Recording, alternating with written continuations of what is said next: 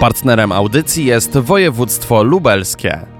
Gościem Radia Wnet jest Jarosław Szymański, dyrektor Poleskiego Parku Narodowego. Poleski Park Narodowy to park narodowy położony najbliżej Lublina. Parki narodowe nie powstają w przypadkowych miejscach, więc jak to było z Poleskim Parkiem Narodowym, dlaczego został utworzony akurat na tym obszarze? Trzeba zacząć od tego, panie redaktorze, że parki narodowe to perły naszej przyrody, więc na pewno nie mogą powstawać w przypadkowych miejscach. Powstają w tych miejscach, gdzie natura szczególnie hojnie nas obdarza. I takim obszarem jest obszar Pojezierza Łęczyńsko-Włodawskiego. Na tym terenie właśnie powstał w 1990 roku, dokładnie 1 maja został powołany Poleski Park Narodowy. W momencie, kiedy powstawał, był to pierwszy tego typu park w naszym kraju, park o charakterze wodno-błotnym. W kolejnych latach już po nas powstało kilka parków o podobnym charakterze, na czele z Biebrzańskim Parkiem Narodowym, który jest największym parkiem w naszym kraju, ale my byliśmy pierwsi. Starania o utworzenie parku na terenie Pojezierza Mączyńsko-Włodawskiego, czy szerzej Polesia Zachodniego sięgają bardzo dawnych czasów, jeszcze okresu nawet przedwojennego. Natomiast w okresie powojennym tutaj głównie naukowcy z ośrodków lubelskich dołożyli starań, przez wielolecia się o to starali, aby na tym bogatym florystycznie i faunistycznie obszarze bagienno-torfowiskowym czy wodno-torfowiskowym utworzyć park narodowy, tak żeby te zasoby chronić. Mówi Pan o bogactwie. Co to za bogactwo? Jakie gatunki są tutaj chronione? Co można spotkać w parku? Na pewno jest kilka takich gatunków, które są wyróżnikami dla tego obszaru. Każdy park ma gatunki specyficzne dla siebie i my również takie mamy. Takim najważniejszym gatunkiem, którym możemy się szczycić, chwalić i który dzięki naszym staraniom ochronnym w miarę w dużej liczebności występuje na terenie Polskiego Parku Parku Narodowego jest żółw błotny. Żadnym innym parku narodowym ten gatunek nie występuje w takiej ilości, a przeważnie w ogóle nie występuje, więc my tu jesteśmy ewenementem. Generalnie nasza Lubelszczyzna, ta część właśnie północna, Poleski Park Narodowy, ale także okolice Sobiboru czy obszary torfowiskowe pod Chełmem, to są właśnie te miejsca w naszym kraju, gdzie żółw błotny występuje, no można powiedzieć nie w dużych ilościach, ale w takich ilościach, które jeszcze pozwalają swobodnie temu gatunkowi funkcjonować. I to jest taki bardzo ważny wyróżnik dla naszego parku. Co prawda w logo mamy żurawia, natomiast gdybyśmy mieli dzisiaj decydować, to, to pewnie byłby to nie żuraw, ale żółw, ponieważ żuraw występuje w wielu miejscach w naszym kraju, a żółw błotny jest bardzo, bardzo specyficzny właśnie tutaj dla terenu Polesia. Innym takim gatunkiem bardzo cennym, bo bardzo rzadkim w przyrodzie jest wodniczka. To jest taki mały ptak, przypominający dla laika nawet wróbla, bo to jest tej wielkości ptak z rzędów wróblowych, natomiast jest bardzo takim rarytasem ornitologicznym, ponieważ to jest ptak występujący tylko w określonych warunkach przyrodniczych, na torfowiskach niskich, porośniętych szczególną roślinnością, rzadką trzciną i takim szuwarem niskoturzycowym. Poleski Park Narodowy i Biebrzański Park Narodowy to są te dwa miejsca w naszym kraju, gdzie ten gatunek występuje jeszcze w znacznych ilościach. W pozostałej części kraju praktycznie albo go nie ma, albo występuje w znikomej liczebności. To te dwa najważniejsze okazy fauny, ale wspominał Pan też o florze.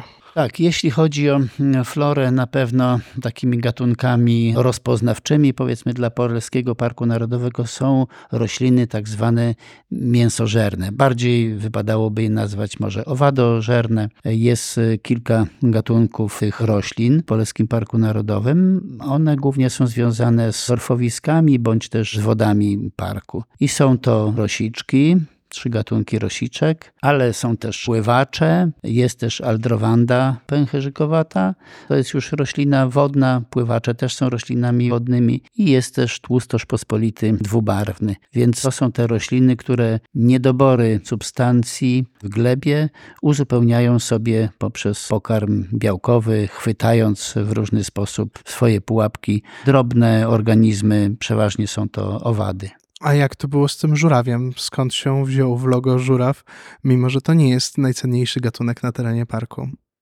E, tak, no trzeba pamiętać, że park powstał w roku 1990.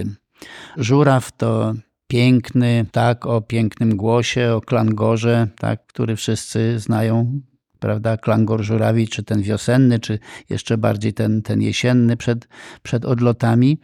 I żurawia wszyscy znali, widzieli i podziwiali, więc to był jakby taki naturalny wybór logotyp parku. Natomiast o wiedzę o żółwiu dopiero pracownicy parku zaczęli zdobywać w czasie, jak park zaczął funkcjonować gdzieś tam w latach 90. i potem 2000. Więc ja mówię z perspektywy dzisiejszej, to tak żółw wydaje się tutaj bardziej odpowiedni. Natomiast broniłbym też pozycji żurawia, tak, bo to jest, e, trzeba przyznać, że to jest piękny e, ptak, najwyższy tak w awifaunie polski, bo on do 120 centymetrów nawet dorasta. I też ma oczywiście swoją wartość. Co roku mamy takie święto we wrześniu. Nazywamy je pożegnaniem żurawi wtedy, kiedy żurawie zaczynają gromadzić się przed, przed odlotami. Zapraszamy tutaj gości z całej Polski na obserwację tych żurawi, które wieczorem zbierają się na noclegowiska w Polskim Parku Narodowym, a nad ranem o świcie wylatują z noclegowisk na żerowiska położone poza obszarem parku. Wtedy nawet ponad 3000 żurawi jest u nas obserwowanych. Jest to przepiękny spektakl. Po lesie, mimo że to jest właśnie obszar błotnisty, obszar jezior, rzek, rozlewisk, torfowisk, jednak ma w nazwie las i porastają po lesie również lasy. A w lasach ludzie, turyści często spodziewają się zobaczyć dużą faunę. Łosie, jelenie czy takie gatunki również występują w Polskim Parku Narodowym. Tak, oczywiście. Należy tutaj zauważyć, że też taką niepodważalną wartością Polskiego Parku Narodowego jest mozaikowatość ekosystemów, więc na naszym terenie oczywiście występują lasy, jest ich około 50% na terenie parku, z 10 hektarów, 10 tysięcy hektarów powierzchni, połowę, czyli około 5 tysięcy hektarów zajmują lasy, ale co jest istotniejsze, że przewagę stanowią lasy bagienne, są to zarówno bory bagienne sosnowe, jak też olsy z olszą czarną i brzeziny bagienne z zozą omszoną.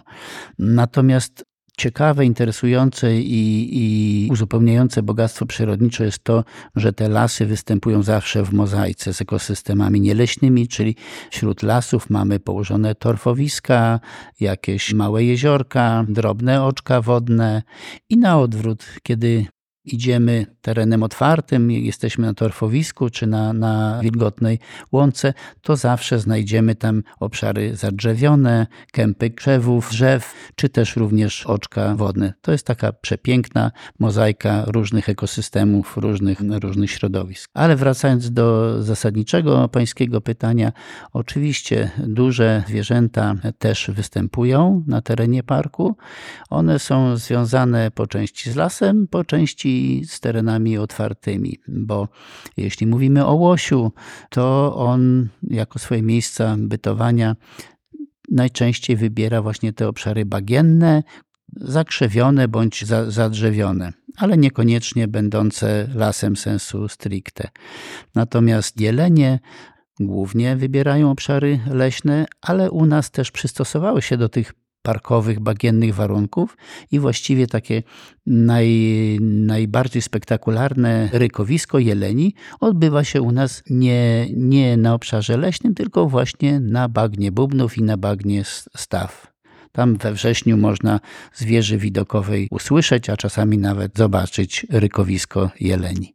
To jeszcze pytanie o drapieżniki, czy jakieś są na terenie parku? Tak, już od ładnych kilku lat możemy mówić o tym, że przyroda tutaj sobie zaczyna radzić bez pomocy człowieka w ten sposób, że regulacje populacji tych dużych roślinożerców za, za odpowiadają właśnie duże drapieżniki. Według naszych badań monitoringowych mamy na terenie parku dwie wilcze rodziny. Ogółem jest to około 10 osobników, które bytują na obszarach no, dość oddalonych od siebie, ale czasami też gdzieś tam za, zachodzą te obszary na siebie, wtedy może dochodzić do, do konfliktów wśród tych wilczych rodzin. Również od kilku lat Mamy na nagraniach fotopułapek pojawiające się rysie, więc ten gatunek to jest duże osiągnięcie, bo dotychczas o rysiu mogliśmy tylko pomarzyć, a okazuje się, że prawdopodobnie z, od północy, bo wcześniej rysie były już widywane w lasach sobiborskich, włodawskich, że od północy ten gatunek tu przesuwa swój zasięg i również teren parku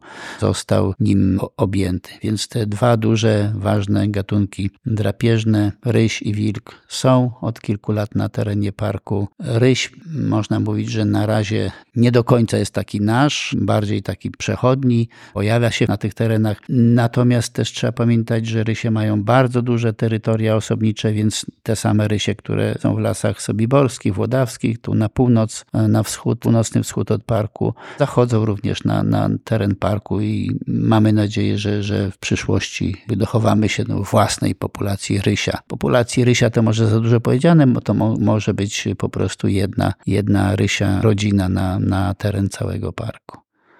Wspomniał Pan o fotopułapkach. Czy są one w jakiś sposób dostępne dla turystów? Czy gdzieś można zobaczyć e, to, co w tych fotopułapkach się złapie, że tak to ujmę? I jakie inne są sposoby dla turystów, dla odwiedzających, żeby mieć kontakt z Parkiem Narodowym? Bo przecież oprócz tych walorów przyrodniczych, oprócz ochrony przyrody, parki narodowe jednak służą też rekreacji, turystyce, krajoznawstwu. Odpowiadając na, na pierwszą część pańskiego pytania dotyczącą fotopułapek, no to oczywiście turyści do, do dostępu, czy, czy przeciętni odwiedzający park dostępu do samych fotopułapek nie mają. Na, natomiast nasi pracownicy analizują, to też jest ogrom pracy, trzeba powiedzieć, bo tych nagrań na fotopułapkach często są setki, więc nasi pracownicy analizują te, te nagrania, zapisują te dane dotyczące poszczególnych gatunków, które się nagrywają, tak jak te duże drapieżniki, o których wcześniej mówiłem, wilki, rysie, ale też inne zwierzęta, również te niekoniecznie pożądane przez nas, tak, bo nagrywają się również jenoty, które są gatunkami obcymi na tym terenie, no i co gorsza też nagrywają się szopy pracze, bardzo inwazyjne gatunki obce jenot, szopraż, które w zasadzie powinniśmy z naszej przyrody e, starać się eliminować. Wracając do dostępności tego materiału z fotopułapek, to oczywiście też e, no, nie cały materiał, na, natomiast jakieś wyjątkowe, ciekawe nagrania udostępniamy w mediach społecznościowych, czy to na profilu naszym facebookowym, czy, czy na Instagramie. Jeśli zechciałby Pan prześledzić, to tam takie, takie nagrania e, na pewno, na pewno Pan znajdzie. Natomiast jeśli chodzi o drugą część pańskiego pytania dotyczącą udostępniania parku, to tak, oczywiście wszystkie parki narodowe w Polsce są w określony sposób udostępniane dla odwiedzających. To jest też jedno z naszych ustawowych zadań, bo oprócz ochrony przyrody, ustawa o ochronie przyrody niejako nakazuje za, zarządzającemu Parkiem Narodowym również ten park społeczeństwu udostępniać, a oczywiście w sposób nieszkodzący przyrodzie parku. I my tutaj nie jesteśmy wyjątkiem. W Polskim Parku Narodowym mamy szereg ścieżek przyrodniczych, zarówno pieszych, są też ścieżki i szlaki rowerowe i zwykłe szlaki turystyczne, tak zwane PTT-kowskie, gdzie za opłaty nie pobiera się, za wstęp nie pobiera się opłaty na te ścieżki. Natomiast generalnie za wstęp na nasze ścieżki przyrodnicze tam opłaty są pobierane. No też trzeba powiedzieć, że utrzymanie tych ścieżek jest też nieprostą sprawą, bo przypominam, że jesteśmy na obszarze wodno-błotnym, torfowiskowym, gdzie po to, żeby turyści odwiedzającemu park pokazać coś ciekawego, to musimy szereg infrastruktury wybudować. Ta infrastruktura to przede wszystkim takie nasze już dosyć słynne, myślę, na Lubelszczyźnie, na Lubelszczyźnie i w ogóle w, w Polsce, drewniane kładki, które kilometrami ciągną się przez, przez bagna, przez torfowiska, przez y, podmokłe obszary, no po to, żeby suchą stopą turysta mógł zapoznać się z tą unikalną florą i czasami fauną parku, ale też po to, żeby tej flory przede wszystkim nie, nie niszczył. Stąd duży nacisk kładziemy właśnie na, na infrastrukturę. Mamy ścieżki przyrodnicze też różnego typu. Na przykład Perechot jest ścieżką typowo ornitologiczną. Ścieżka Dom Dominik prowadzi przez torfowisko wysokie i torfowisko przejściowe. Podobnie ścieżka Spławy, natomiast ścieżka Czachary, nasza najnowsza ścieżka, pokazuje torfowisko niskie, bagno, bagno bubnów. Także staramy się też różne aspekty naszej przyrody udostępniać poprzez nasze ścieżki przyrodnicze, z reguły zaopatrzone w kładki, w wieże widokowe, w platformy widokowe, w pomosty widokowe też wychodzące na, na koń jeziora. Wszędzie też posiadamy miejsca postojowe z zadaszeniami, z miejscami na, na ognisko. Także myślę, że turyści odwiedzający nasz, nasz park no, z reguły są zadowoleni. Minusem na pewno są w sezonie wiosennym i wczesnoletnim komary, ale to jest po prostu urok Polesia. Tak, komary muszą być. Generalnie Polesie też trzeba powiedzieć, że z takiej tajemniczości słynie, bo bagna, moczary, tak, zawsze jakąś taką pewną dozą tajemniczości były, były owiane i tak jest do dzisiaj. My staramy się tylko uchylić rąbka tej tajemniczości, a taki, do takiego całkowitego poznania, no to już zachęcamy turystów, żeby odwiedzali nas po prostu kolejny i kolejny raz i duża, duża część tak czyni przyjeżdżając co roku, czy, czy nawet kilka razy w sezonie do naszego parku. Dziękuję bardzo. Dziękuję. Gościem Radia Wnet był Jarosław Szymański, dyrektor Poleskiego Parku Narodowego. Partnerem audycji jest województwo lubelskie.